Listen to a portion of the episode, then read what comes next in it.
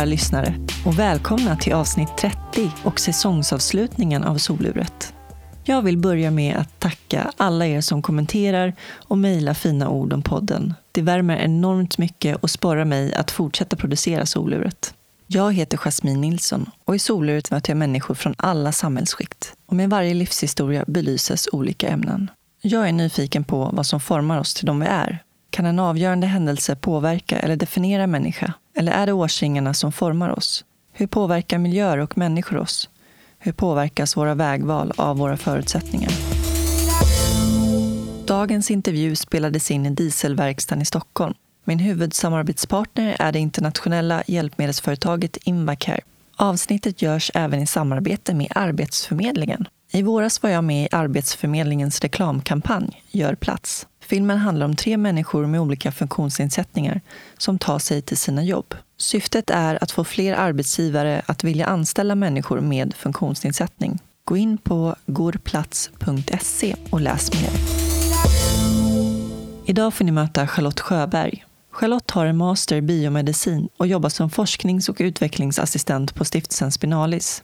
I tonåren drabbades hon av anorexi och efter år av en lång kamp blev hon frisk. När Charlotte planerade att flytta till USA råkade hon ut för en fallolycka som gjorde henne förlamad från midjan och ner. Hon träffade senare kärleken i livet, men förlorade honom i en tragisk trafikolycka. Nu lever kärleken vidare genom deras gemensamma dotter Alicia. Här kommer Charlotte.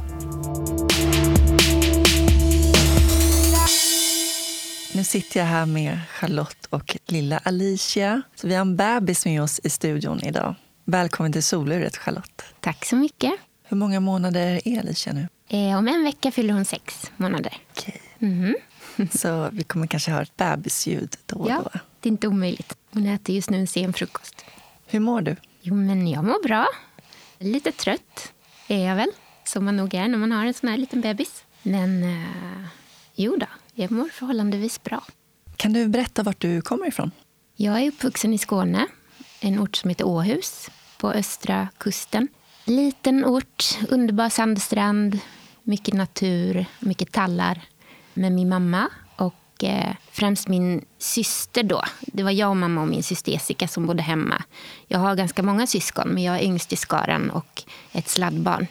Så eh, jag och Jessica och mamma bodde tillsammans där i ett hus. Du föddes den 22 december 81. Vilken koll du har! Yes. Ja. Det var tydligen en av de värsta vintrarna i mannaminne i Skåne. Ja. Ja, de hade bandvagnar för att hämta folk ute på landsbygden i Skåne den vintern. Men eh, ja, där föddes jag med eh, en skara äldre syskon och eh, uppvuxen med min ensamstående mamma. Och mina äldre systrar de red väldigt mycket. Så de drog med mig ut. Oj, klutt. Jag drogs med ut till stallet från att jag var pytteliten. Så jag är uppvuxen i stallet och började tidigt rida. Och det var en stor del av min uppväxt. Hur många år äldre är dina syskon? Den äldsta är 19 år äldre. Sen har jag en som är 16 år äldre, en bror. Och en som är 14 år äldre, en syster. Och så Jessica var 6 år äldre. Sen har jag även tre halvsyskon som jag inte är uppvuxen med. Så jag har en, bunt Det är en syskon. hel klan. Ja, precis. Jag är också sladdis. Mina syskon är 10 och 14 år äldre än jag. Ja. Och min äldsta syster, som är 19 år äldre än mig, hon fick barn när jag bara var fem år. Så att Ja. jag blev liksom moster när jag var fem. Ja. Så de ba- barnen, eller de känns nästan mer som Som- mina syskon. ja. Och sen var det så att min syster Jessica, hon hade ett komplicerat hjärtfel. Så hon var ganska mycket på sjukhus och opererades när jag var liten. Så att därför så bodde jag en del hos min äldsta syster, Karina som bodde i Stockholm, och hennes barn. Så de blev lite som min extra familj. Okej. Då måste hon ha haft eh, det menar, ensamstående med alla barn. Och... Ja, jag tänker på det ganska ofta nu när jag själv har fått barn. Och så tänker jag mycket på när min syster föddes. För hon hade då som sagt var ett ganska komplicerat hjärtfel. Och det upptäcktes när hon var tre månader. Men det var 75, så man hade ju ett annat förhållningssätt då. Men från det att hon var tre månader så fick de liksom höra att hon inte skulle överleva. Och vilken stress det måste ha varit. att För hon opererades jättemånga gånger. Jag och min mamma pratade om det senast häromdagen, för hon var uppe hos mig. Och första gången Jessica opererades var hon ett år. Och Sen opererades hon jättemånga gånger. Och varje operation sa läkarna att hon eventuellt inte skulle vakna igen. Och eh, vilken press det måste ha varit. Och då jobbade min mamma nätter som sjuksköterska. Och sen låg Jessica i Lund, där de är väldigt duktiga på hjärta. Så Jessica bodde på avdelningen på sjukhuset i Lund tills hon var runt fem år. Och så åkte mamma dit på dagarna och var där på dagarna och så var hon och jobbade på nätterna. Och samtidigt hade hon tre barn hemma. Liksom. Åh, herregud. Så det var nog ganska tungt. Och hon berättade häromdagen att på avdelningen där de här barnen med svåra hjärtfel låg så låg det, det var ofta något barn när hon kom dit som hade dött. Så berättade hon att det var en pojke. Så satt hon bredvid hos Jessica och så kom sjuksköterskorna in och sa till den mamman som var ganska ung att ja, din pojke, och där, han har ju så svårt hjärtfel och du vet att du kan lämna bort honom om du vill. Och dagen efter så kom den här unga mamman och tog alla pojkens kläder och gick. Hon övergav honom. Och han fick inte ens ha kvar sina kläder. Nej. Hon kom liksom och tog, sen dog han ett tag efter. Men han fick inte dö med sin mamma. Och det tyckte jag var så vidrigt. Gud vad hemskt. Men Jessica klarade sig, men eh, det mm. måste ha varit tuffa år där. Men det var innan jag kom. Och hur var de första åren då, i skolan? Nej, men jag kommer ihåg att jag älskade skolan.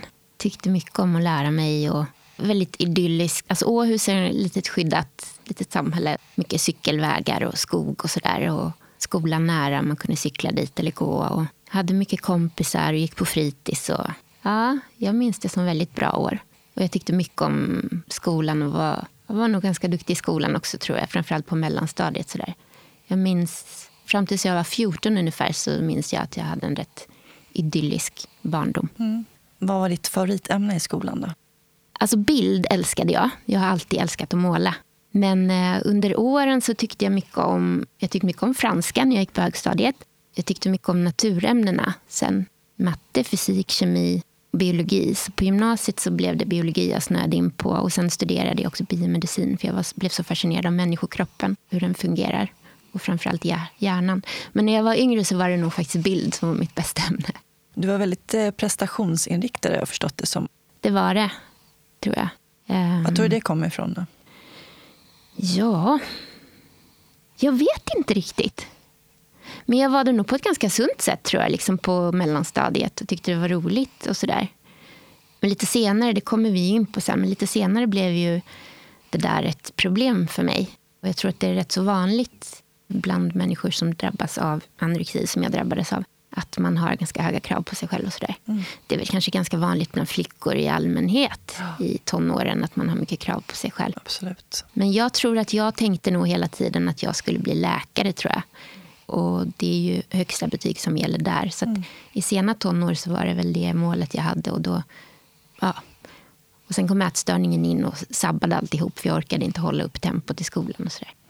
Ja, vi kan väl ta det från början. Då. Det var väl 15 år, jag förstod ja, det som, som det precis. verkligen Det var sommaren till. mellan högstadiet och gymnasiet som jag började falla in i ätstörningar.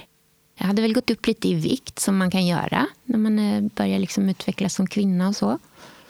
Och, eh, jag hade nog en ganska trygg klass tror jag, på högstadiet men skulle komma till en helt okänd klass på gymnasiet skulle gå naturlinjen och många av mina vänner hade valt samhällslinje och då i Kristianstad hamnade man på en annan skola och hade, hade lite problem med kärlekslivet och sådär. Som gjorde att jag mådde ganska dåligt. Så den sommaren så skulle jag banta lite grann och gå ner i vikt och lyckades väl. Och det gav mig en kick som jag inte kunde bromsa. Så under hösten, första året i gymnasiet, så... Jag kommer ihåg redan på inspark i, gymnasiet att jag liksom var avstängd från klassen. För alla på min skola var det en väldigt rolig grej, där insparken och skapade gemenskap i klassen. Men jag kände mig väldigt avstängd och deltog inte i insparken ordentligt för att jag var så inne i min ätstörning redan då. Mm. Så när jag tänker efter så måste det ha börjat den sommaren.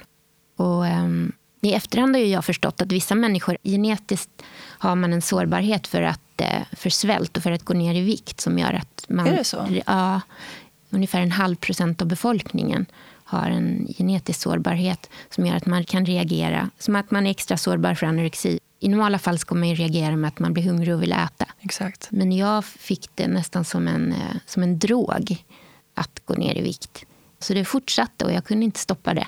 Så under hösten så blir det värre och värre. Och värre. Jag tänker väl att det, det sitter ju framförallt det sitter ju i huvudet, mm. den här sjukdomen. Mm. Och någonstans där måste det ju börja. Att det börjar med huvudet innan man börjar med själva svälten. Liksom. Ja. Hur går tankarna då, innan? Det, är just alltså, det börjar med... ju som en vanlig bantning, ja. som det hette i alla fall på 90-talet. Alltså jag ville gå ner i vikt och jag lyckades ju med det. Och då fick jag en sån kick av det när kilorna rasade så att jag kunde inte stoppa. Um, så tankarna gick väl att jag liksom... Jag blev väl bekräftad från början när jag gick ner lite i vikt och fick komplimanger över det. Men där jag i normala fall borde, hade det varit stått rätt till så hade jag ju stannat där. Eh, men jag kunde inte det. Så att jag fortsatte att träna och, och åt mindre och mindre och blev mer och mer rädd för fett framför allt. Och slutade att äta och jag började kräkas också. Alltså i, i situationer när jag var tvungen att äta, i familjesituationer och så, när jag var tvungen att äta, då kräktes jag upp maten efteråt. Um, och ljög jättemycket. Ljög om att jag hade ätit i skolan, ljög om att jag hade ätit hos någon kompis. Och så så under hösten så blev det värre och värre. Och när man har kommit tillräckligt långt ner i svält, då blir man knäpp på riktigt i huvudet. Då liksom kommer det in saker som tvångstankar, alltså riktig panisk skräck för alltså orealistisk, orealistiska tankar om liksom fettfobier och sådär som inte är normala. Och då är det väldigt svårt att bryta det där på egen hand. Men i efterhand hade jag liksom anorexin i två skov. Men första gången var 96-97. Samhällets idealbild av hur en kvinna ska se ut, hur mycket påverkar det dig? Liksom alla intryck med bilder i media? Och... Det tror jag påverkade mycket. Jag kommer ihåg de här äh, minimjölksreklamerna med Emma Sjöberg, tror jag, ja. på 90-talet. Ja. De kommer jag ihåg mycket. Och så kommer jag ihåg att jag hade... Jag kommer ihåg också att Ally McBeal gick på tv. Hon Kommer du ihåg det? Ja, hon hade problem har jag för mig. Ja, ja, hon hade problem. Och hon var väldigt smal. Just jag kommer det. ihåg att det var också en sån där, jag tyckte hon var så snygg då, den här skådespelerskan. En advokatserie var det. Precis. Mm. Och hon gick alltid med en stor take away latte typ på stan. Men det var i princip det enda man såg henne äta. Jo, men jag tror att det påverkade mycket. I efterhand har jag inte kunnat sätta fingret på liksom det här. Min ätstörning berodde på det här. Jag tror att det var en samlad liksom, man formas ju av uppväxt. Jag har haft tankar på... Jag växte upp med Jessica som var svårt sjuk. Kan det här på något vis ha varit... Det blev väl så här, när jag blev sjuk i anorexi, då var det ingen som hade krav på mig längre. Förstår du vad jag menar? När man blir sjuk, då är det enda kravet man har på sig själv att man ska bli frisk. Man frisläpps på något vis från andra, alla krav runt omkring. Så det blev någon slags frizon, tror jag, ifrån krav. Och egentligen kanske krav jag hade på mig själv. Men på något sätt så gjorde jag mig själv sjuk för att... Det blir också på något vis att man blir en liten flicka igen. Och Det är någon slags rädsla för att växa upp, tror jag. Och jag tror det är många dimensioner i det mm, där. Just det. Att man, eh, man vill inte växa upp och, och ta ansvar. Utan man, jag gjorde mig själv sjuk på något sätt. Ja, fly, fly från verkligheten på något ja, vis. Ja, en väldig flykt. Och även mm. flykt från känslor. Mm. För något som jag har insett i efterhand det är ju att framförallt sen när jag liksom blev bättre igen och gick upp i vikt och sådär då var det som att tina. Det kändes som att jag hade varit nerfrusen och distanserad från känslor. Och när jag gick upp i vikt då var det som att tina och då kom alla känslor tillbaka. Så det gjorde ganska ont. Du vet när man blir riktigt, riktigt kall om händerna eller om kroppen så, så kan det liksom... När man då tinar upp sen så gör det jätteont. Jag kommer ihåg att jag jämförde det lite med det där. Att eh, man stänger av känslorna mycket genom att fly in. Det är en form av missbruk anorexi och bulimi, ätstörningar. Och, eh, jag tror, jag som är intresserad av hjärnan, jag tror att eh, alltså när man missbrukar något så är det hjärnans belöningssystem som kickar in och det sätts ur spel. Och jag tror att det är ganska nära kopplat, även med ätstörningar. Absolut, jag är övertygad om. Ja. Och det är många som faller in i andra former av missbruk. Man kan byta det ena mot det andra. Och ah. Hade jag fått välja nu, nu kan man inte göra allting, men hade jag fått välja nu skulle jag gärna studera mer av det där och kanske forska inom ätstörningar. Jag tänkte ganska länge att jag ville göra det, men sen tänkte jag att nej, det är för nära mig. Men, mm men din omgivning, när förstod de att du hade problem? Men Det var nog den hösten, när jag hade börjat gymnasiet. som... Eh, jag kommer ihåg att vi åkte till Grebbestad i Bohuslän på novemberlovet. och hälsade på min äldsta syster som hade sommarstuga där. Och då vet jag att de uppmärksammade mamma på, ser du inte vad Charlotte håller på med? Och då blev det väldigt jobbigt för då konfronterades jag. Jag vet att jag var inne på toaletten och kräktes efter måltiderna och de stod och bankade på dörren. Och, alltså, nätstörning innebär så fruktansvärt mycket konflikter inom familjen. Och de tassar på tå och det blir något medberoende. Och, ehm, och då vet jag att min svåger, han ville peppa mig. Så eh, jag har varit ganska nära min svåger då eftersom han var tillsammans med min syster som var 19 år äldre så har jag känt honom sedan jag föddes nästan. Och då ville han peppa mig så då lovade han mig att vi skulle åka till Australien över jullovet. Om jag bara liksom blev frisk och tog tag i mitt liv. Och det var ju välment men det hjälpte ju ingenting. Men vi åkte till Australien också men då var jag jättesjuk. Så hela den där resan var liksom bortspilld. Sorgligt nog. Men där på novemberlovet så uppmärksammade de det. Och då tog de kontakt med sjukvården och då eh, var de väldigt duktiga på ätstörningar i Lund. Återigen Lund, precis som min syster Jessica. Så eh, i januari någon gång, tror jag, efter den här resan till Australien så fick jag och min mamma komma till Lund. Där hade de en behandling som var liksom familjecentrerad. Så jag och min mamma vi bodde i en lägenhet där som de hade för det var bara några få patienter de hade i taget. Så det var en form av öppenvård. Så vi bodde i den här lägenheten i Lund och så gick jag på dagarna på behandling och då var det ju fortfarande inom BUP, då, barn och ungdomspsykiatri. Och så bodde vi där hela våren. Och jag vägrade att hoppa över någonting i skolan. Så under tiden så...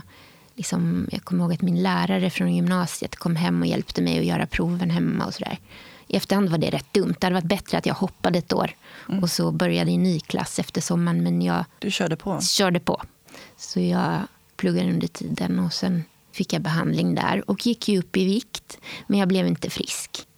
Uh, ja. Det är ju verkligen hela familjen drabbas. Ja, så jag tänker att verkligen. alla måste ju ha hjälp hur man ska hantera ja. sjukdomen. Usch, i efterhand får jag ont i magen när jag tänker på ja. alla gräl. Liksom, och hur mycket jag skrikit på min mamma mm. och på min syster Jessica. Hon fick ta jättemycket skit. Och vi mm. gjorde aldrig upp om det sen, nej. jag och Jessica.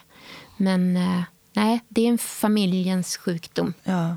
När jag, när jag skadade mig så, min syster skrev det sen också i min bok, att din olycka är min olycka. Mm. Jag tänker så, det är samma sak med sjukdom, att mm. din sjukdom var deras sjukdom också. Ja.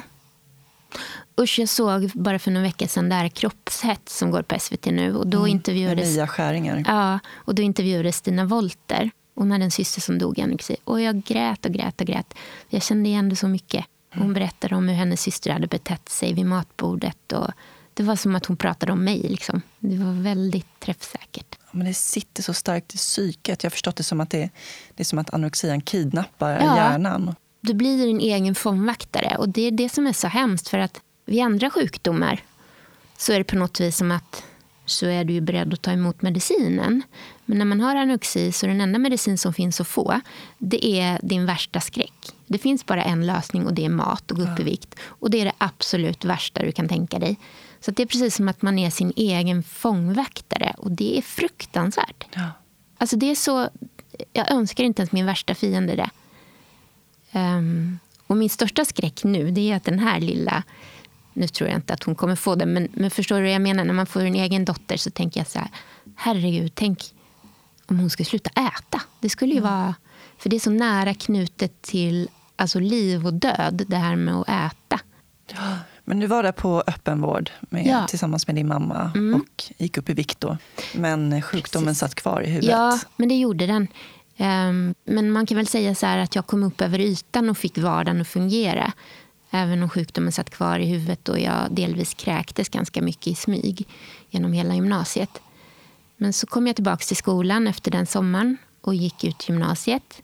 Men det, hela den perioden var väldigt färgad av min ätstörning men jag liksom gömde den på ett annat sätt. Hetsåt delvis och kräktes. Går det att beskriva hur en, hur en dag kunde se ut? På den här tiden på gymnasiet, mm. när jag liksom ändå gick i skolan men ja. jag gömde min ätstörning. Där kunde en dag se ut som så här att jag åt ingenting om dagarna. Och till följd av det så blev jag så fruktansvärt hungrig på kvällarna. Och när jag då åt så kunde jag liksom inte kontrollera det. Utan då kastade jag i mig mer än vad jag hade tänkt. Och sen spydde jag upp det. Och så blev det som en ond cirkel. Åt ingenting nästa dag för jag hade ångest över vad som hade hänt kvällen innan. På kvällen var jag så hungrig så då kastade jag i mig för mycket mat, spydde det och så blir det som en ond cirkel. Och jag tror i efterhand att jag tänkte så här att det hade gått många, många år och det hade inte gått en enda dag utan att jag hade kräkts. Så det blir som ett missbruk. Ja, verkligen. Men det måste ju ta stryk också på magen, ja. tänker jag. Så och i... tänderna. Jag hade nästan, jag hade så frukt... Jag har ju fått göra om hela min överkäke nästan. För att man fräter upp ja, tänderna av att kräkas. Magsyran. Ja. Och magen också. Fick jätteont i magen. Och jag kräktes ju blod till slut. Ofta så gav jag mig inte förrän jag hade kräkts upp både galla och blod. Och hade munsår alltid. För att när man har händerna i munnen så får man väldigt mycket sår. Och man har sår på knogarna ofta också. Det är såna tecken man kan se på folk som... Okay. Jag har ganska lätt för att se på folk. Och man blir också ganska svullen om... Eh, alltså man har ju spottkörtlar vid, eh, ja, vid, hur ska jag förklara det? Underkäken. Underkäken. Mm. Och de svullnar när man kräks mycket. Så en person som kräks mycket har ett ganska runt ansikte men kan vara väldigt smal i kroppen. okay. Men, eh, så så kunde en dag se ut. Men sen alltså, liksom, koncentrationsförmågan, tänker ja, jag. Hur... och det var det som var så dumt. För att Jag hade ju som mål så att jag skulle bli läkare och ha de bästa betygen. Men samtidigt kunde jag inte koncentrera mig på dagarna för att jag åt ju ingenting. Så det blev liksom... Jag förstör ju för mig själv. Mm. Fast jag var inne i någonting som jag inte kunde bryta. För att jag lyckades inte äta. För att sluta med de här hetsätningarna och kräkningarna så skulle jag ju gå upp på morgonen och äta en rejäl frukost så att jag höll mig mätt. Äta lunch i skolan, äta något mellanmål, äta middag. För då tappar man inte kontrollen när man väl börjar äta sen. Men eftersom jag hade sån ångest över vad jag hade gjort kvällen innan så kunde jag inte äta någonting under dagen. Och då blir det väldigt svårt. Sen eftersom jag hade den här svälten i bagaget som jag utsatte mig för där i början av gymnasiet så blir man också väldigt... Man liksom förstör det här med hunger och mättnad. När man har svultit sig själv så har man väldigt svårt att känna hunger. Men man kan också ha svårt att känna mättnad. Så jag visste liksom inte vad som var normalt att äta och jag visste inte när jag var mätt och inte när jag var hungrig. och ingenting. Så det blev väldigt svårt. Och Man blev väldigt osäker på sig själv. Jag kunde inte lita på att nu är jag mätt så nu har jag ätit tillräckligt. Utan jag tittade på hur andra åt. Och jag vet att jag alltid höll på att tjata på min mamma. Att hon, jag kunde liksom få ångest om min mamma inte åt upp det hon, hon hade på tallriken. Så jag liksom tvingade henne att sitta och äta för att jag skulle få mindre ångest. Oh, Gud. Det är så sjukt alltihop. Dels kontrollera sin, alltså sin egen ja. kropp, men sen ska man börja kontrollera andras ja. också. Och jag fick mindre ångest ifall andra åt. Så jag kunde liksom sitta och tvinga familjen att äta för att jag skulle må bättre. Oh. Förstår du? Det är helt galet. Och så min stackars syster Jessica som då hade hjärtfel och som inte kunde äta särskilt mycket för att det var en påfrestning för hennes hjärta. Så hon åt jättelångsamt och hon åt inte så mycket. Den stackaren satt jag liksom och skrek på att hon skulle äta för annars skulle jag få ångest. Och, ja, det var kaos där ett tag. Hur känns det så här efterhand att sitta och prata om det? Liksom, om hur du betedde dig och hur du var då? Nu känns det bra. Nu kan jag prata om det för jag har kommit ur det. Men väldigt, väldigt många år skämdes jag jättemycket. Och särskilt för det här att jag kräktes och, och åt för mycket. Det var liksom som en stor skam som jag var rädd för att bli avslöjad. Liksom. Jag skämdes otroligt mycket. Så det kändes som en stor kändes som en ryggsäck eller vad jag ska mm. säga, som jag bar på under många år som jag inte delade med någon. Och Det gjorde ju också att jag gjorde mycket roliga saker för all del under både gymnasiet och åren därefter. Men jag hade alltid det här som överskuggade allting på något sätt. Som färgade det jag var med om. Och det var ju en form av missbruk. Men eh, efter gymnasiet så reste jag en del och, och så började jag läsa till apotekare i Göteborg. Jag kom inte in på läkarlinjen, men då var apotekare näst bäst. Liksom. Och jag fick ändå läsa de ämnen jag ville läsa om kroppen. Och, och det gick bra några år, men sen brakade det rejält. Och då bodde jag ju ensam, så då hade jag liksom ingen familj som kunde fånga upp mig. Så då blev jag rejält dålig. Och då höll jag på att stryka med. Där har jag mycket minnesluckor. Men, eh, och vårdades ju periodvis ganska mycket på sjukhus. Du blev tvångsinlagd också? Ja. Det som blev min räddning det var återigen Lund. Och där fanns en sluten avdelning som var otroligt eh, där hade man dygnet runt vak. Fick inte lämna sängen och det fanns, man kunde inte tulla på reglerna på något sätt. Och Det blev min räddning. Men innan dess så hade jag under många år åkt in och ut på vårdenheter i Göteborg. På öppenvård, på slutenvård. På slutenvården kunde de inte ha mig. Skickade mig till medicinsk avdelning och där låg jag med dropp och sond. Och jag lyckades. Då hade jag inget vak så då drog jag upp sondslangen och tömde den. Och Ja, du ville inte ens få i dig sondmat? Nej, utan... jag kommer ihåg att jag drog upp... En sondslang sticker man in i näsan och ner i magsäcken och så får man in sondnäring den vägen. Men då drog jag upp slangen ur halsen och så stoppade jag tillbaka den när personalen kom in. Så att man gör ju sig själv... Det gjorde ju jätteont.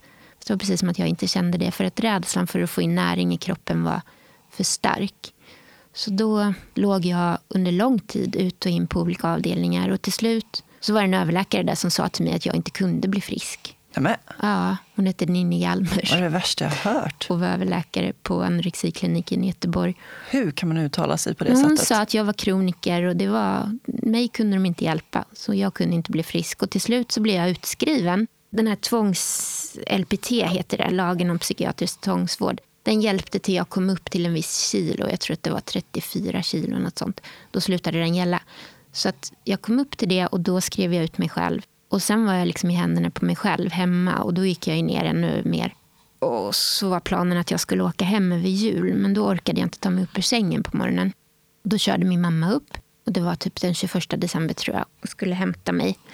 Och då fick väl hon en chock när hon kom upp för då var det liksom ett skelett som låg i sängen. Gud alltså. Så då körde hon ner mig till Kristianstad och så blev jag inlagd där på akuten. Och sen fick jag ligga där på Kristianstad sjukhus tills det blev en plats ledig i Lund. Så jag låg där över jul och nyår med dropp och så. Och till och med dropp alltså fick jag ångest av. Så jag drog ut droppnålen och tömde det i handfatet för att jag inte liksom ville ha in näring.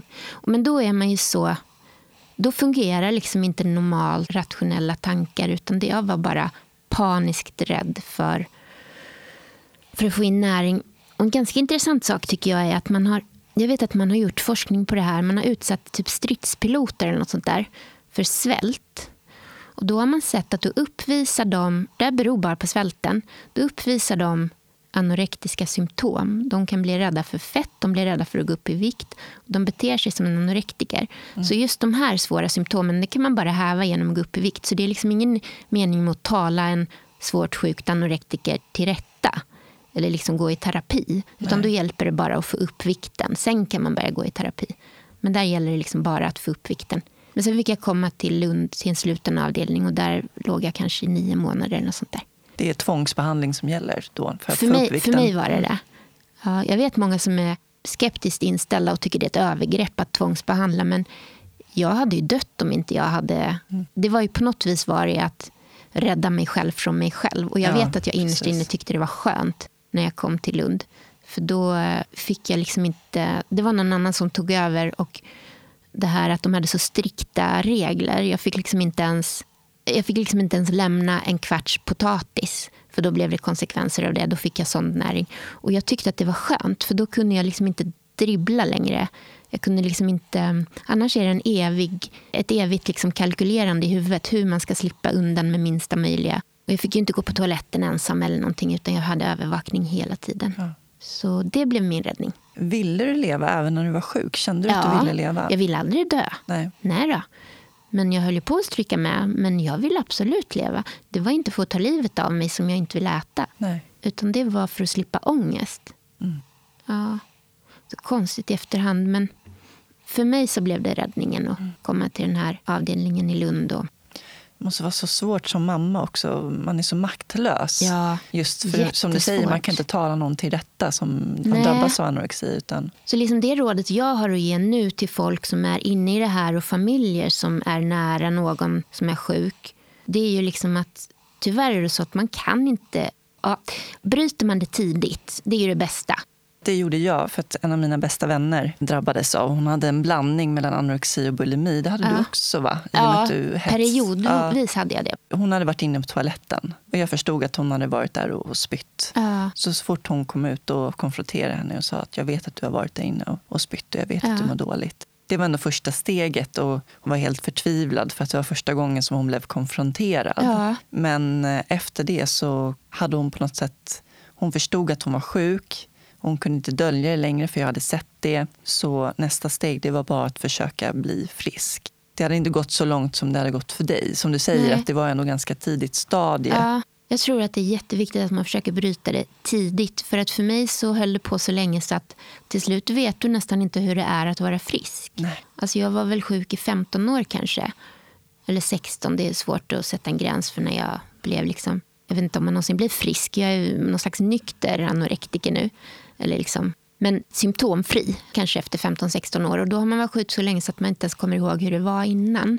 Men jag tror att det viktigaste är att man bryter tidigt. Och nummer två, att man faktiskt tar hjälp. För det här att familjen ska... Det blir så fruktansvärt mycket slitningar. och så. För du frågar hur det var för min mamma. Jag tror att det här att lämna över till professionell människor som är utomstående och som inte, har, eh, som inte påverkas av det emotionellt. Jag tror att det är viktigt att man tar hjälp och att, eh, att man inte försöker att vi ska lösa det här inom familjen för det blir fruktansvärda slitningar. Och det tog många år innan jag, innan liksom jag reparerade den relationen tror jag till min mamma och vissa av mina syskon. Och tyvärr fick min syster Jessica aldrig se mig bli frisk och det sörjer jag lite grann faktiskt för hon dog innan hon dog när hon var 30, men då var jag ganska sjuk. Hur gammal var du då? 24. Mm. Mm. Och då var jag rejält sjuk i anorexi, så att jag eh, sörjde aldrig riktigt henne på riktigt då. Utan jag, jag kommer ihåg att jag var i Göteborg när min mamma ringde och berättade att Jessica hade dött. Och det första jag gjorde när jag hade hört det, det var liksom att fly in i, i matmissbruket. Så det här med att sörja henne, det kom först i Lund när jag hade fått behandling och jag liksom började tina upp. Det var som att jag hade varit i en bubbla och så började jag tina upp ur den bubblan. Och då kom mycket känslor. Så det var en ganska jobbig tid ja, att, äh, att komma tillbaka till livet igen. Mm. Jag har förstått att du skrev dagbok också. Ja, delvis äh, därför att det ingick i behandlingen. Så det blev många dagböcker. Tyvärr hittar jag inte dem nu. Men jag vet att den första... Dels var det mycket matdagbok. Och det i efterhand kan jag tycka att det är lite konstigt för att då blir man ju ännu mer fokuserad på mat. Jo, men det gjorde jag. Och jag har läst dem där i efterhand. Och de första dagböckerna från när jag var riktigt sjuk, de är ju så... Det handlar liksom ba, hela, hela dagen. Hela dagen handlade om mat. Ja. När nästa måltid skulle komma, vad det skulle bli. Att man var rädd för den. Ska jag klara den? Och idag är det så här, herregud, vilket, man hade ju inget liv alltså. Det fanns ingenting utanför den där bubblan. Det man skulle äta och det man inte skulle äta och det man slapp äta eller det man hade ätit och hur, vad jag skulle äta nästa gång. Och, usch. Ja. Men um, jag vet inte. Det är kanske är lätt att tro att anorexi är någon slags fåfäng sjukdom. Jag ska bara ta hand om den här lilla Jag passar på att ta lite kaffe här. Ja. Man kan ju tycka att det på något vis är en fåfängans sjukdom. Men jag skulle vilja säga att initialt är det kanske det. Men ganska snart blir det en somatisk sjukdom, alltså en kroppslig sjukdom. Att det handlar om obalans i hjärnan och att det är ju en psykisk sjukdom. Eller undervikten gör ju att man får liksom psykiska symptom. Och Det är inte lätt att häva det själv. Och Det handlar inte om att man står och tittar sig i spegeln och vill vara snygg. För ganska ofta tyckte jag att jag såg alldeles förfärlig ut.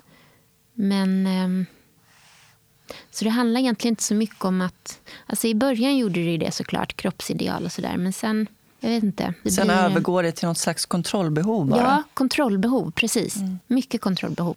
Och eh, att hålla ångest på avstånd. Liksom. Eller att undvika ångest. För mig. Och ångesten uppstod till en början på grund av att du ville bli smalare först och främst? Ja, precis. Det började ju inte med att jag hade ångest. Utan det började med att jag ville liksom gå ner lite i vikt. Som inte är helt ovanligt när man är 15 år. Och har omvärldens ideal och sådär mm. som vi pratade om. Och kanske känner sig otrygg och ska in i gymnasiet. Och, men ganska snart blev det ett sätt att... Jag, vet inte, jag fick ju ångest så fort jag åt. Men det liksom var, när jag var som sjukast så var det liksom inte jag kan ta ett exempel.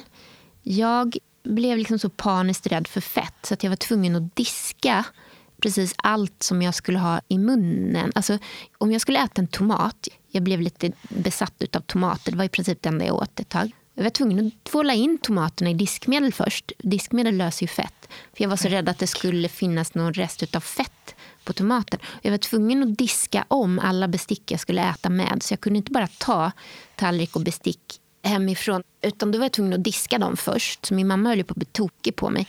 En gång skulle jag diska vattenkokaren innan jag skulle koka vatten och göra te. För jag var så rädd att det var fettrester i den. Och så om jag skulle köpa kaffe när jag var ute på stan. Då vet jag att jag vågade aldrig dricka kaffe ur en porslinsmugg. För det kunde finnas rester av fett på den. Utan jag kunde bara dricka det, för jag kunde inte lita på att de hade diskat ordentligt på det där kaféet. Utan jag kunde bara dricka ur pappersmugg. Och jag vet folk som har, alltså, som har varit så rädda att, för fett så att de har trott att de liksom kunde andas in fett. Om föräldrarna har stått i köket och lagat mat så har de liksom inte vågat vistas i samma rum för de trodde att de kunde andas in. De har liksom tejpat igen nyckelhål för att det kunde passera fettpartiklar genom nyckelhålet. Och på den nivån blir det. Liksom. Man vågar inte använda Lepsyl, för det är fett. Man vågar inte använda hudlotion, för då kan det passera in fett genom huden. Och, och då, är, då är man ju på riktigt helt knäpp i huvudet. Men mycket av de där grejerna försvann sen när jag gick upp i vikt. Mm. Lilla snutten, hon äter här. Mm. Den här tjejen har inget problem att äta. Nej. Min mamma hon hade ju anorexia, men eh, hon tog sig ur det på något vis. Men eh, jag har ju förstått att man lever ju med sjukdomar mer eller mindre resten av livet. Ja, jag tror det.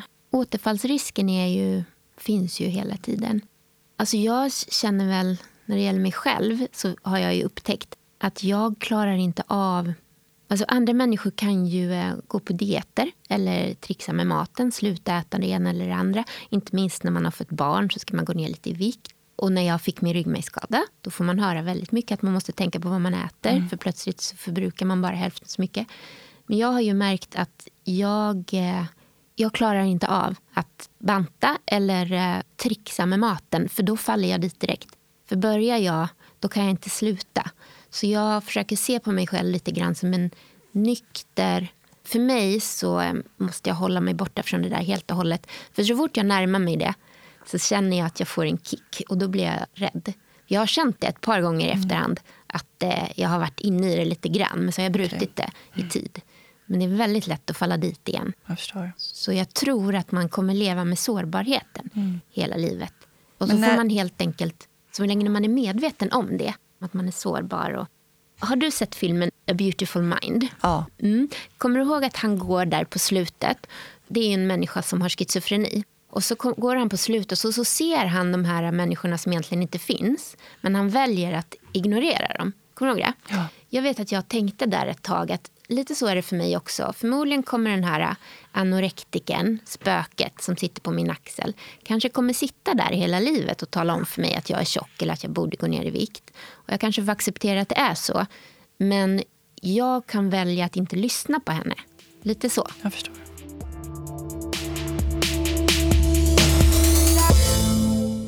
Nu sitter jag här hos min samarbetspartner Invacare och framför mig har jag Joakim som är produktchef. Hur är läget med dig? Jo, men det är alldeles utmärkt. Ett år har gått, fyllt med utmaningar som det alltid är, men det går fort. Om man ska sammanfatta Invacares år, det har väl varit eh, oväntade saker som dyker upp på horisonten som man får ta tag i, för vår lilla värld i alla fall. Sen har det väl hänt mycket annat eh, som också påverkar oss. Jag menar, vi tillhandahåller hjälpmedel som gör att eh, den som använder hjälpmedlet ska kunna leva det liv de vill. Det är ju det hjälpmedlet är till för. Men det är ju en sak med den här stora som eh, vi som Invacare också tittar på. Det är ju assistansfrågan och rätten till den biten som har varit en ganska stor debatt världens bästa hjälpmedel all ära, men det är ju livet för personen som ska använda den också måste ju också fungera. Jag tror att där kan ju du också hålla med om det tror jag. Absolut, jag lever med personlig assistans. Ja, precis. Det påverkar våra liv något enormt med de här neddragningarna som har varit och kommer att förmodligen bli också.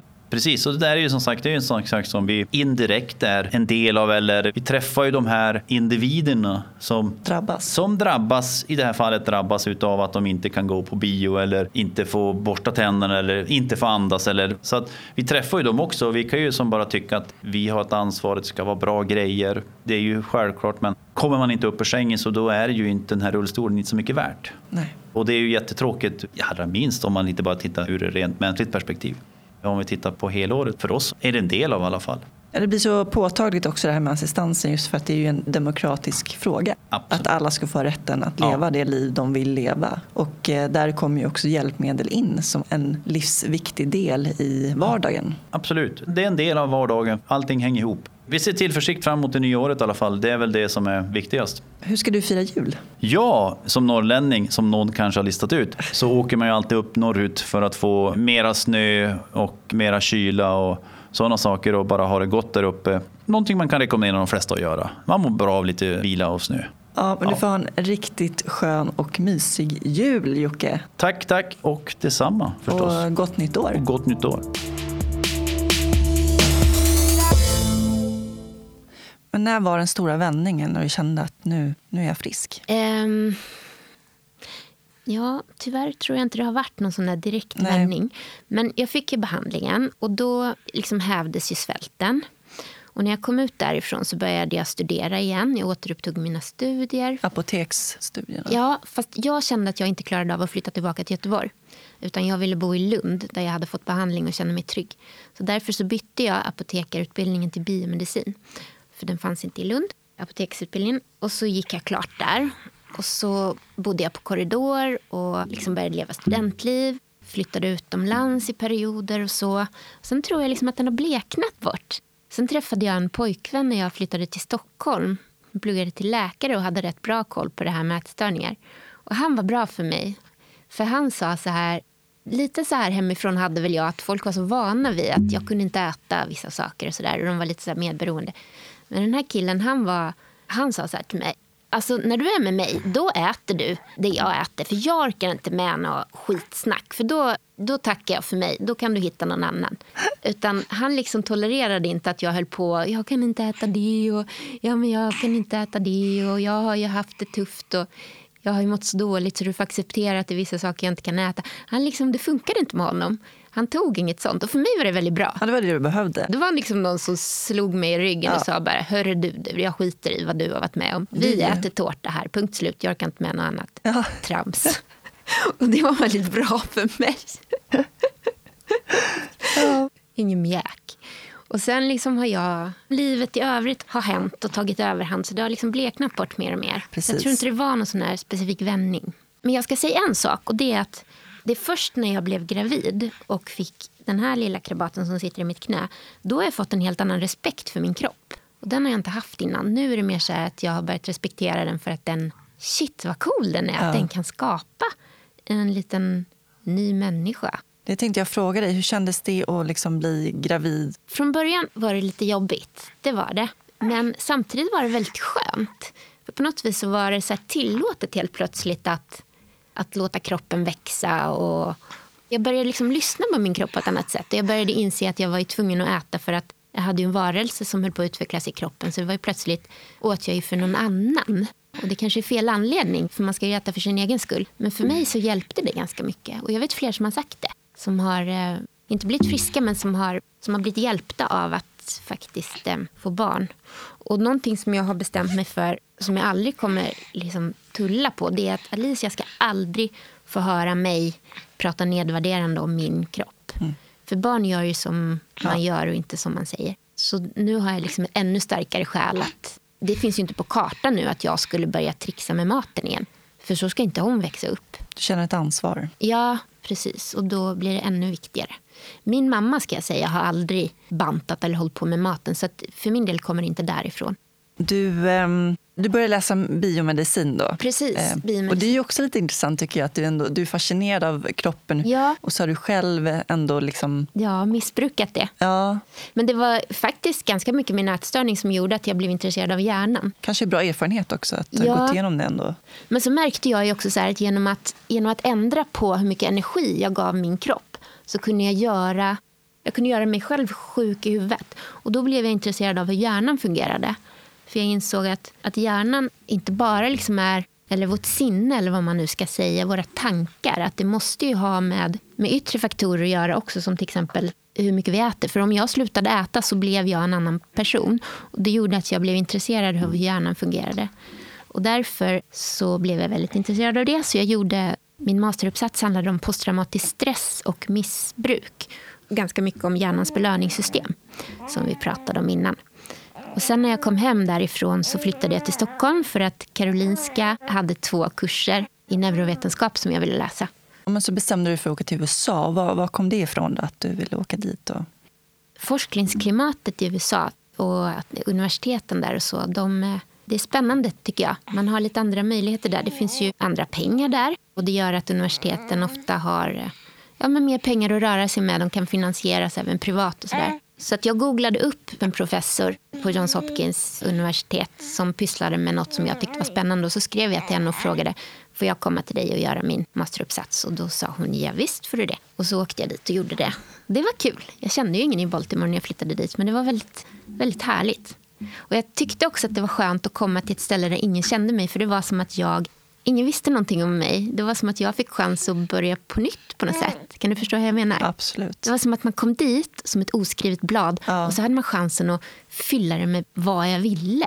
Ingen visste att jag hade varit sjuk i ätstörningar. Ingen hade någon koll på vem jag var. Utan jag tyckte det var jättespännande. Ja, jag känner igen mig där när jag åkte till Kalifornien och pluggade på universitetet där. Ja. Det var också som en, en ny start. Jag skulle bevisa att jag kunde stå på egna ben och vara Ja. självständig. Ja, jag växte mycket Ja, i den resan. det gör man. Och så lärde mig mycket också. Blev mindre naiv. Baltimore är en ganska farlig stad. Jag kom ifrån skyddade lilla Sverige och trodde att jag kunde promenera precis överallt på egen hand. Hamnade i farliga kvarter och blev upphämtad av polis. För att jag vet- herregud. Ja, herregud. Ja. Vad dum jag var när jag åkte dit. Men jag var ganska mycket klokare när jag åkte hem. Ja. Och så kom du tillbaka till Sverige. Ja, bodde i Stockholm, pluggade på Karolinska och fick genom Karolinska möjligheten att åka till Miami på stipendium. Och eh, forskade där ett halvår inom stroke och riskfaktorer för det. Och i Miami så träffade jag en kille där som heter Ram som bodde i Atlanta. Eh, när jag hade flyttat tillbaka till Sverige så hade jag planer på att flytta tillbaka till USA. Jag jobbade då i en forskargrupp på Karolinska som heter Emotion Lab. De sysslar med ångestsjukdomar. Så jag höll mig där inom hjärnan och så.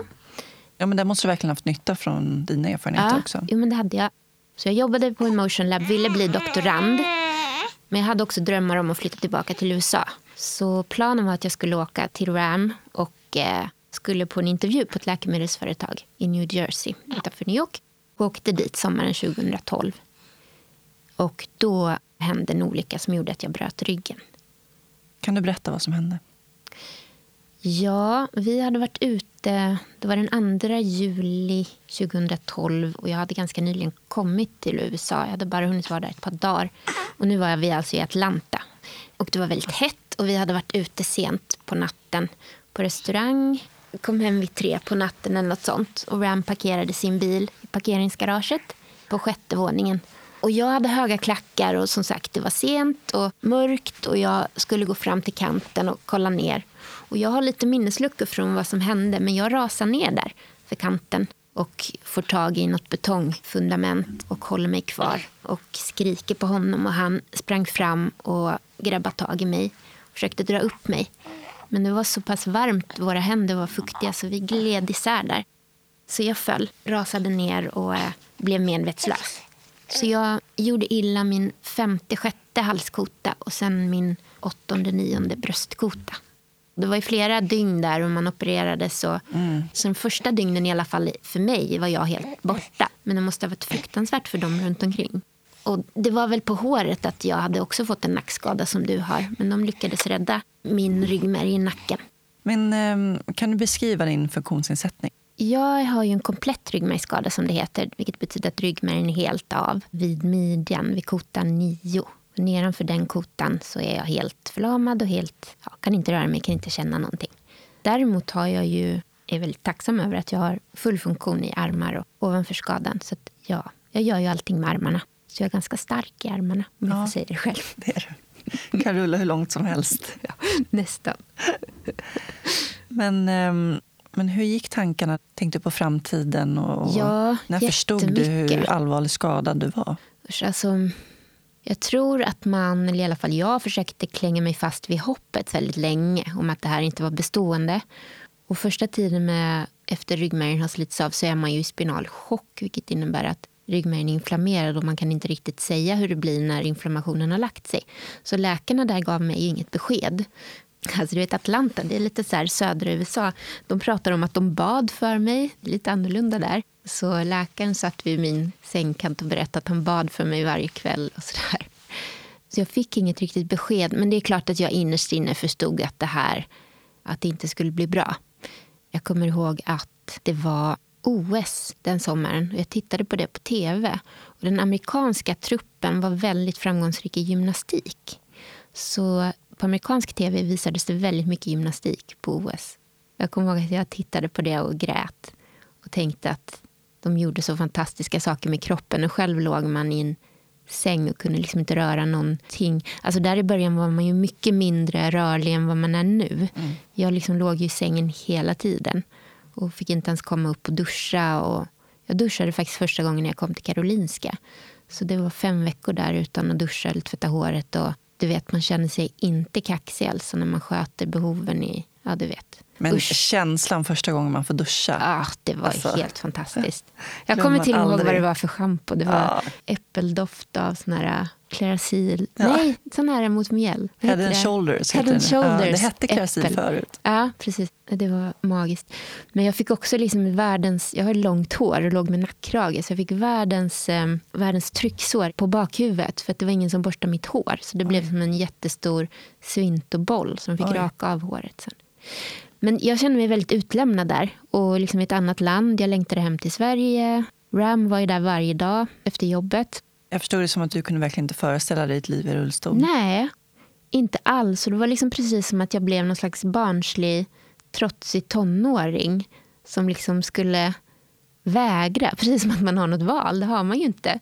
Men eh, jag kommer mycket väl ihåg när jag fick beskedet att jag aldrig mer skulle kunna gå. Och Det var när jag hade kommit till Karolinska. Då var det överläkaren. Då var, hade vi ett möte med hela vårdteamet liksom, och min mamma. Och Då tittade hon på mina röntgenplåtar som hade kommit ifrån Atlanta och sa att du kommer aldrig mer kunna gå. Men du kommer kunna bli helt självständig. Men jag hörde ju bara det här första. Ja. Du kommer aldrig mer kunna gå. Och då blir jag så arg på henne. För det var liksom precis som att hon raserade det där jag innerst inne visste. Det bekräftade hon. Och då blev jag ju, jag var ju inte arg på henne men jag var ju arg på hela situationen. Så jag liksom stängde av öronen och jag lyssnade inte mer på det där mötet. Och då blev jag som en tonåring. Då satt jag och stirrade ner i bordsskivan. Och de här som pratade om hur min rehabilitering skulle se ut. Det var liksom, jag ville inte ha någon rehabilitering. Jag tänkte liksom inte acceptera situationen. Nej. Så jag var bara arg, jättearg. Min mamma blev ledsen men jag blev bara arg. Och sen tog det ju liksom ett bra tag innan man liksom smälte det där och så. Men det viktigaste, enskilt viktigaste för mig för att komma vidare det var ju att träffa andra. Klas kom in på mitt rum där rätt tidigt och satt nog en hel timme och pratade med mig och det gjorde ju stort intryck. Jag ska säga Claes Huttning som själv är läkare och varit ryggmärgsskadad i över 30 år. Ja, och då vet jag att han sa till mig, för jag berättade ju om att jag som har tänkt doktorera och jag satt där och grät och alla mina planer var liksom förkrossade och han sa, det är klart att du ska doktorera, det ska vi nog se till, kommer jag ihåg att han sa. Sen efter många veckor så kom ju jag till Rehabstation Stockholm. Och där träffade jag ju många andra personer, bland annat dig. Bland annat en kompis till oss som heter Rika som också var tjej i rullstol. Och det var viktiga möten för mig att se andra som liksom levde bra liv och liksom hade bra jobb och reste. och Rika hade barn. Och, nej men liksom det var, gjorde stort intryck på mig. Och de, eller ni, var ju liksom viktiga förebilder för att jag skulle se att det fanns ett liv framåt ändå. Ja, det är livsviktigt. Och det tror jag Det är alla... helt avgörande. Annars vet verkligen. jag inte hur det hade gått. Det var det för mig också. Ja. Och hur var resan tillbaks till livet då? Alltså jag tycker nästan att den tuffaste tiden blev när man flyttade hem. För det var som att på sjukhuset och på rehab så hade man liksom ändå levt i någon slags skyddad värld. Man lär sig att klara sig självständigt men man gör det i en väldigt skyddad miljö. Sen plötsligt så hamnar jag tillbaks i lägenheten på Kungsholmen. Och sista gången jag hade varit där det var liksom innan jag åkte till USA med en massa drömmar. Och så plötsligt är jag tillbaka där. Och då var det som att jag insåg att shit, ingenting kommer någonsin bli som det har varit. Och jag liksom var på Fridhemsplan och skulle handla i samma matbutik där jag handlat innan och ingenting var som innan och kundkorgen ramlade ur knät och mjölken alltså, och jag grät. Och, usch, det var, det var det jobbigaste faktiskt, att flytta hem. Jag kommer ihåg att jag bodde på Kungsholmsgatan och mitt emot där så var det en bröllopsbutik. Och de här brudklänningarna de hängde där. Det här är någonting jag har lämnat nu. Men i början, det här låter så konstigt, men jag sörjde jättemycket att jag inte skulle kunna gifta mig i en brudklänning och gå fram till altaret. Det var en sån här bild jag hade i huvudet. En annan bild var att jag skulle doktorera och gå ner för trappan i Blå hallen. Och de två bilderna gick ju i kras när jag inte kunde gå. Jag skulle inte kunna gå fram till något altare och gifta mig. Jag skulle inte kunna gå ner för den här trappan i Blå hallen och få min doktorshatt. Men de här brudklänningarna de, de låg där och hånskrattade åt mig varje gång jag gick ut på gatan. Så det var så, jag tyckte inte om den här bröllopsbutiken. Men det var tufft att flytta hem. Ja, men det är då verkligheten slår en i ansiktet. Ja, precis. Och jag också blev ganska ensam, kommer jag ihåg. För det var många vänner som inte hörde av sig längre. Och jag tror att de var rädda. Liksom. Tyckte att det var konstigt. Och, och så. Å andra sidan var det en del vänner som jag trodde bara var ytligt bekanta men som ställde upp på ett helt annat sätt. Men eh, efter ett år efter min skada ungefär så började jag jobba. Och det var ganska viktigt för mig att komma igång med vardagen. Dessutom fanns det en annan krabat som hjälpte mig lite på vägen och det var faktiskt en hund som heter Gucci som jag tog över. Han var också till stor hjälp där i början. Och då var man tvungen att gå upp på morgonen och gå ut. Och så. Plus att man aldrig var ensam. Vad började du jobba med?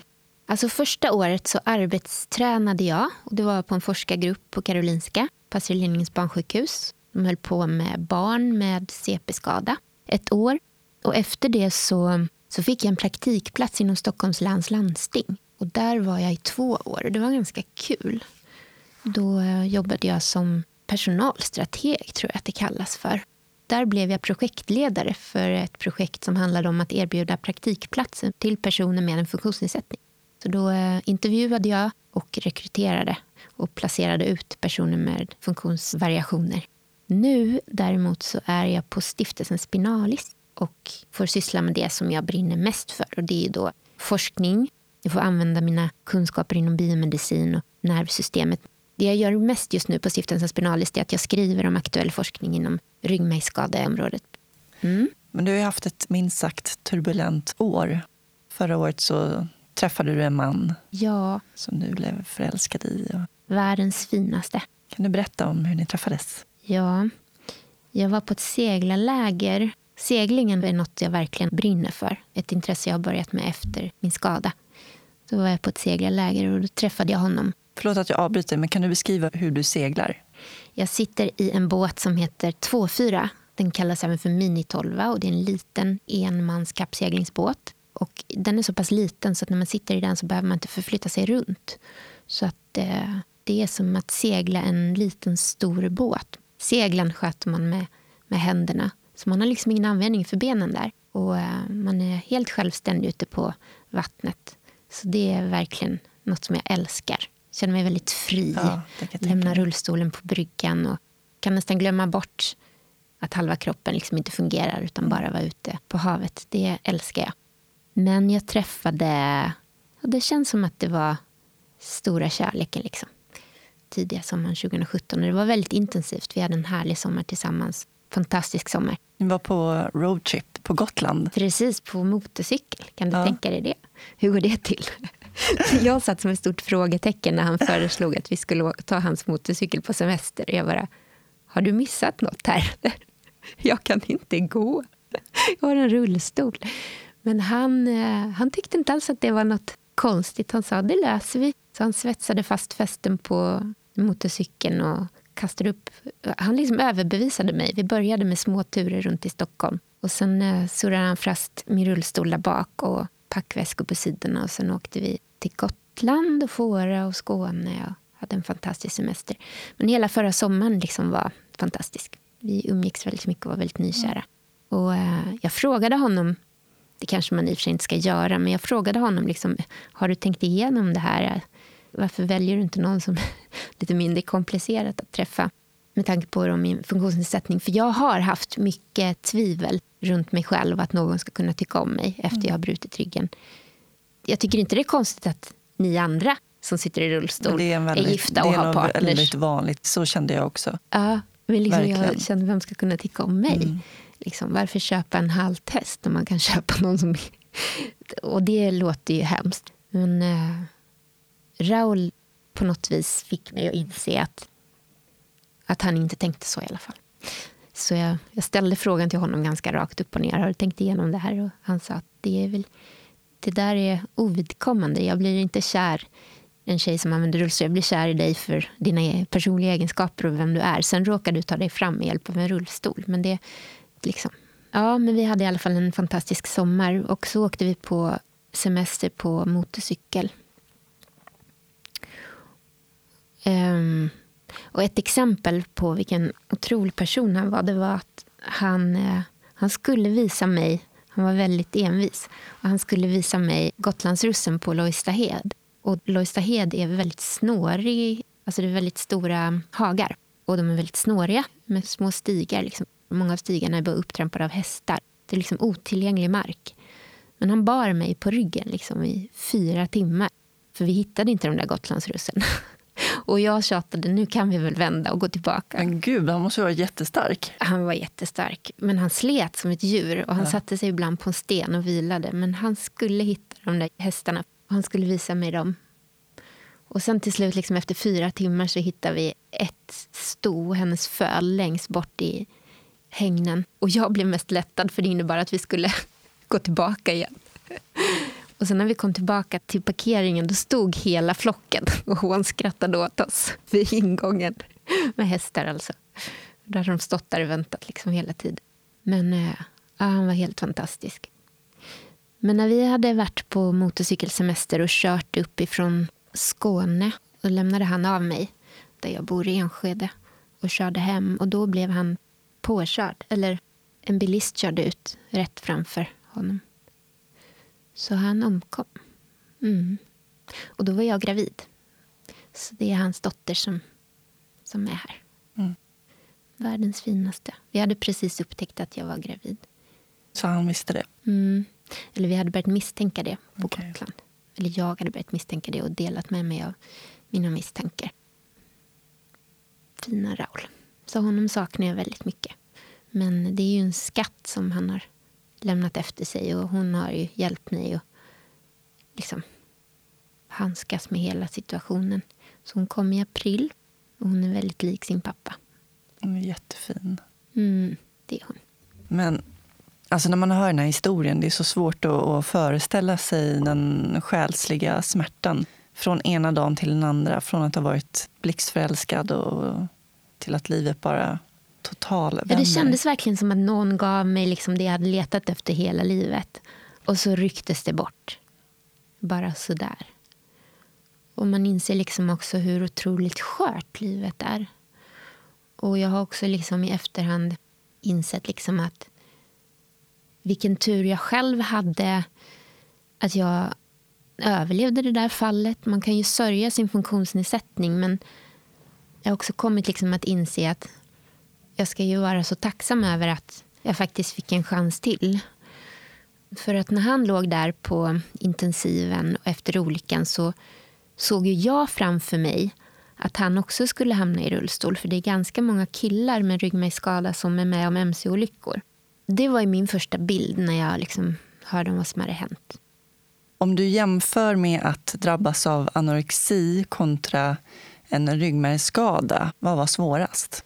Ja, alltså faktiskt, även om ryggmärgsskadan är så definitiv, det finns ju ingen bot för det, man kan ju bli frisk från anorexi, men att vara i det var faktiskt värre med ätstörningen. För att ätstörningen gjorde mig så avstängd ifrån hela min omgivning.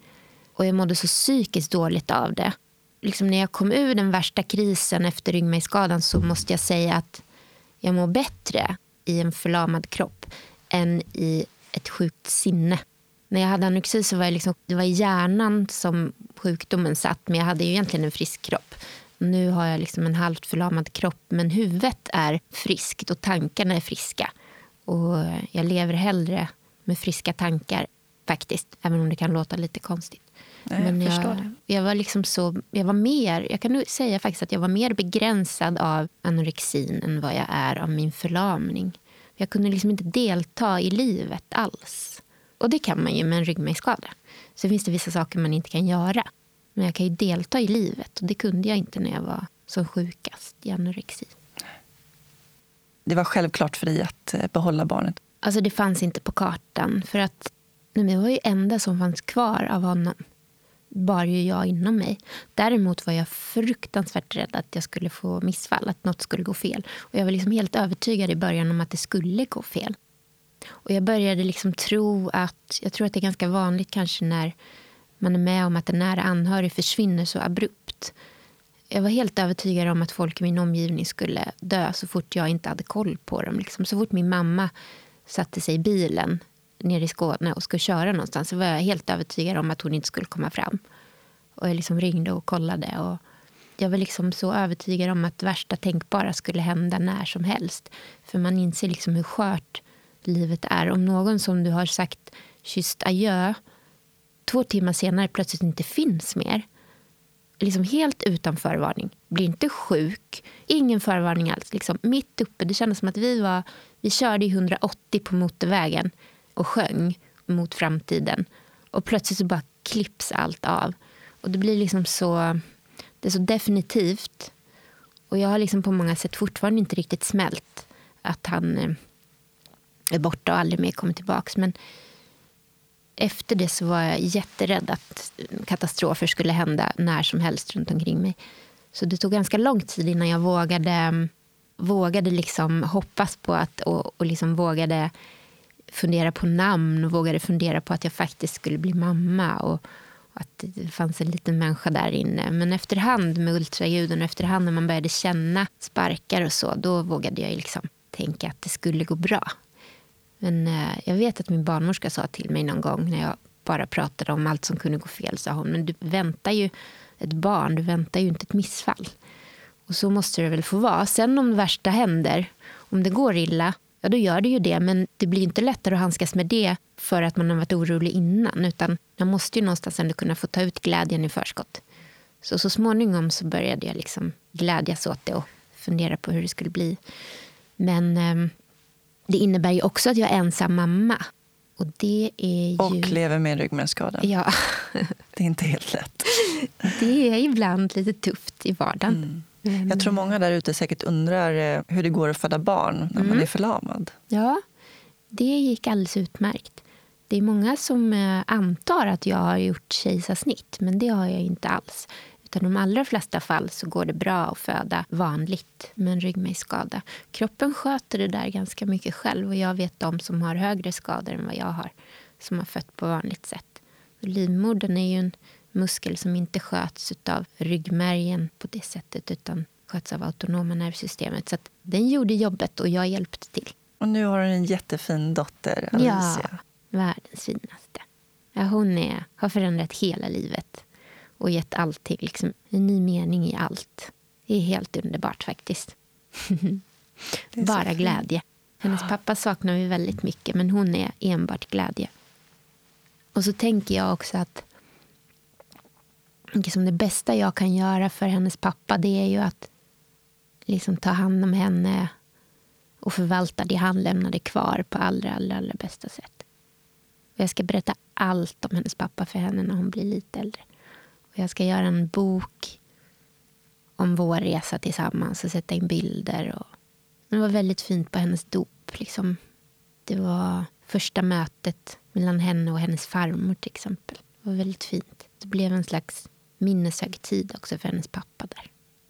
Fast det är väldigt känsligt fortfarande som du kanske märker. Det, liksom. ja. du, det är känsligt att bara höra om det också kan jag säga. Mm. Ibland tänker jag så här, usch, har liksom...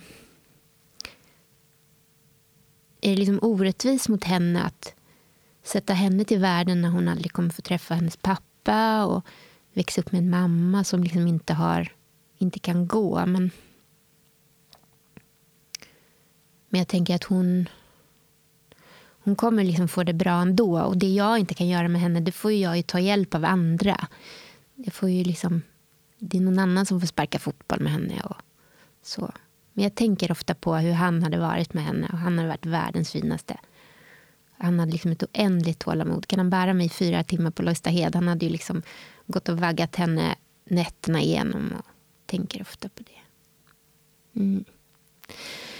Men ja, man rår ju inte för vad som händer i livet. Man kan ju liksom bara göra det bästa av det som händer. Och det har du verkligen gjort. Ja, ja kunde börja gråta. Du, eh, du är ju så otroligt positiv ändå. Trots alla motgångar och allt som har varit. Liksom. Ibland så tror jag att, att jag lever lite för... Min syster blev ju 30. Och hon fick ju liksom inte... Hon föddes liksom med ett svårt hjärtfel och, och så. Och hon, det var så mycket i livet hon aldrig fick göra. Och jag tänker ganska ofta att jag lever lite för Jessica också. Att jag gör det som hon aldrig fick göra. Sen råkar jag ha brutit ryggen, men jag får ju leva här. Och Det är inte en självklarhet. Och inte minst du och jag vet ju det. Man kan inte ta någonting i livet för givet, för vad som helst kan hända. Så man kan inte rå för det som händer i livet och man kan inte ta någonting för givet men man måste göra det bästa av det man har. Och det finns ju de som har liksom som lever under omständigheter som är svårare än de du och jag lever under. Så att allting är ju relativt. Liksom. Man, man får väl försöka förvalta det man har på bästa sätt. Sen är inte jag alltid glad och positiv. Det är bara det att jag kanske inte visar det utåt. Jag gråter ganska ofta. Jag tycker det är ganska skönt att gråta. Och jag gör det ganska ofta till musik. Och mörka dagar kommer absolut för mig också. Men det jag har insett efter anorexi, efter att ha förlorat Jessica, efter brutit ryggen, efter det här med Alicias pappa, det är att de mörka dagarna kommer. Men hur mörkt det än känns så kommer det alltid ljus. Alltså när det är som mörkast så gäller det lite grann att härda ut, för det blir bättre. Det blir alltid det. Jag har aldrig varit med om att det liksom... Alltså mörker är inte konstant, det blir ljusare. Hur jävligt den känns. Och då gäller det väl att i de här mörka stunderna att hålla fast vid det. Men så här långt i livet så det tuffaste jag har gått igenom det var förra hösten när han dog. Det var för jävligt och det var kaos.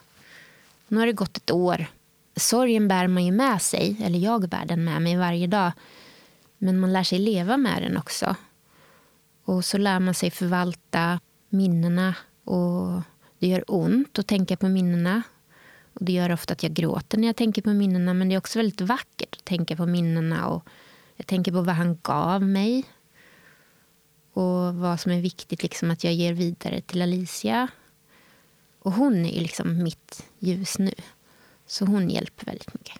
Och när man ser henne skratta eller liksom jollra eller upptäcka världen eller smaka banan eller liksom, du vet, kikna av skratt, då, liksom, då försvinner alltså det, är, det är oslagbart. Alltså. Det finns ingenting som går att jämföra med det. Det är helt... Det är skitcoolt. så vi ska nog greja det framöver, tänker jag, hon och jag. Ja. Och så har vi pappa med oss uppifrån någonstans, det vill jag tro. Han vakar över oss. Jag ska gå in på standardfrågorna nu. Mm. Vad innebär det för dig att vara människa? Alltså det har inneburit en berg och dalbana, får jag väl säga, att vara människa. Men ehm, för mig så innebär det att ibland går jag vilse. Och det gäller att hitta rätt igen. Det innebär för mig att försöka liksom vara en medmänniska och behandla andra människor på ett sätt som gör att, liksom, att jag förmedlar nåt eller att jag kan ge nåt.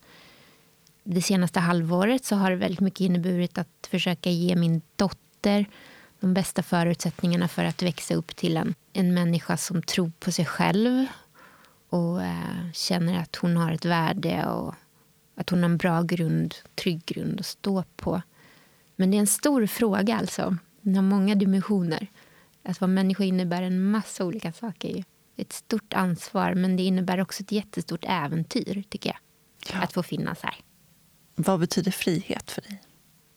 Att kunna göra saker jag drömmer om. Men om jag blundar och tänker på ordets frihet då ser jag mig själv gärna i en båt ute på vattnet. Då känner jag mig fri.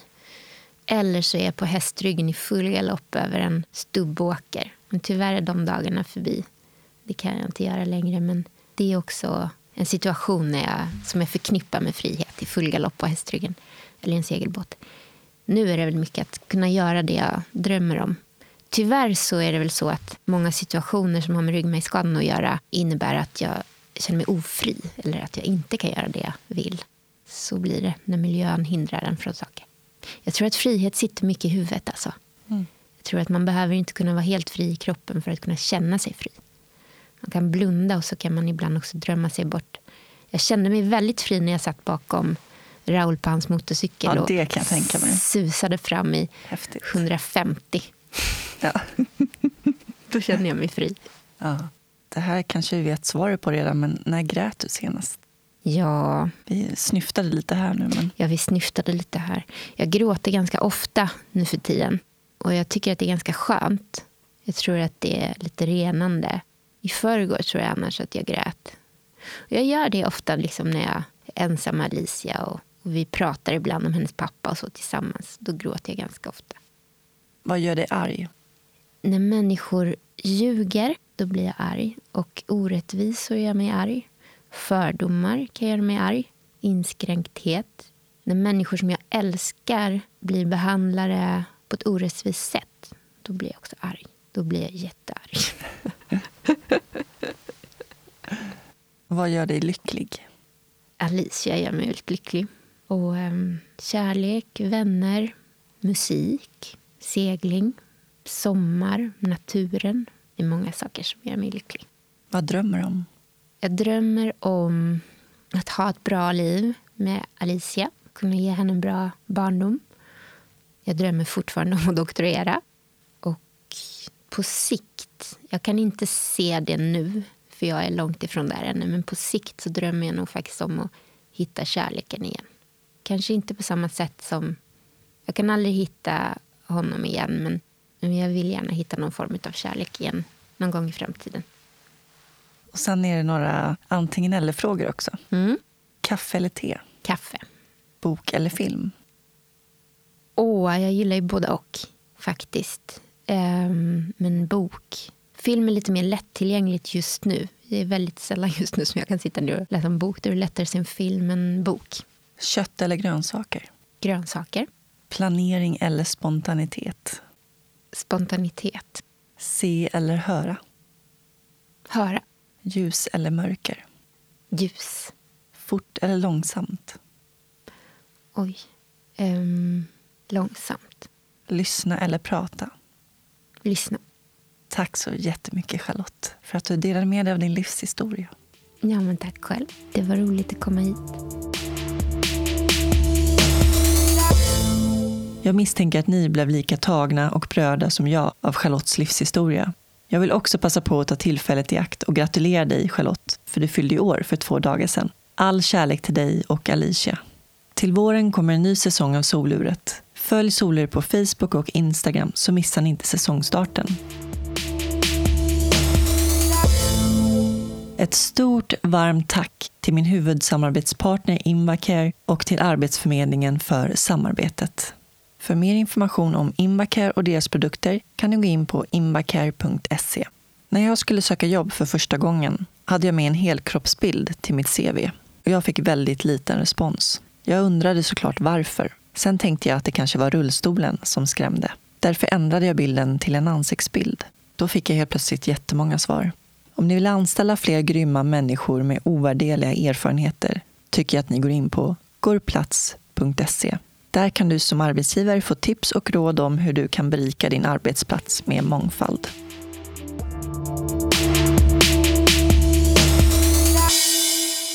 Med tanke på dagens gäst avslutar jag med ett franskt ordspråk.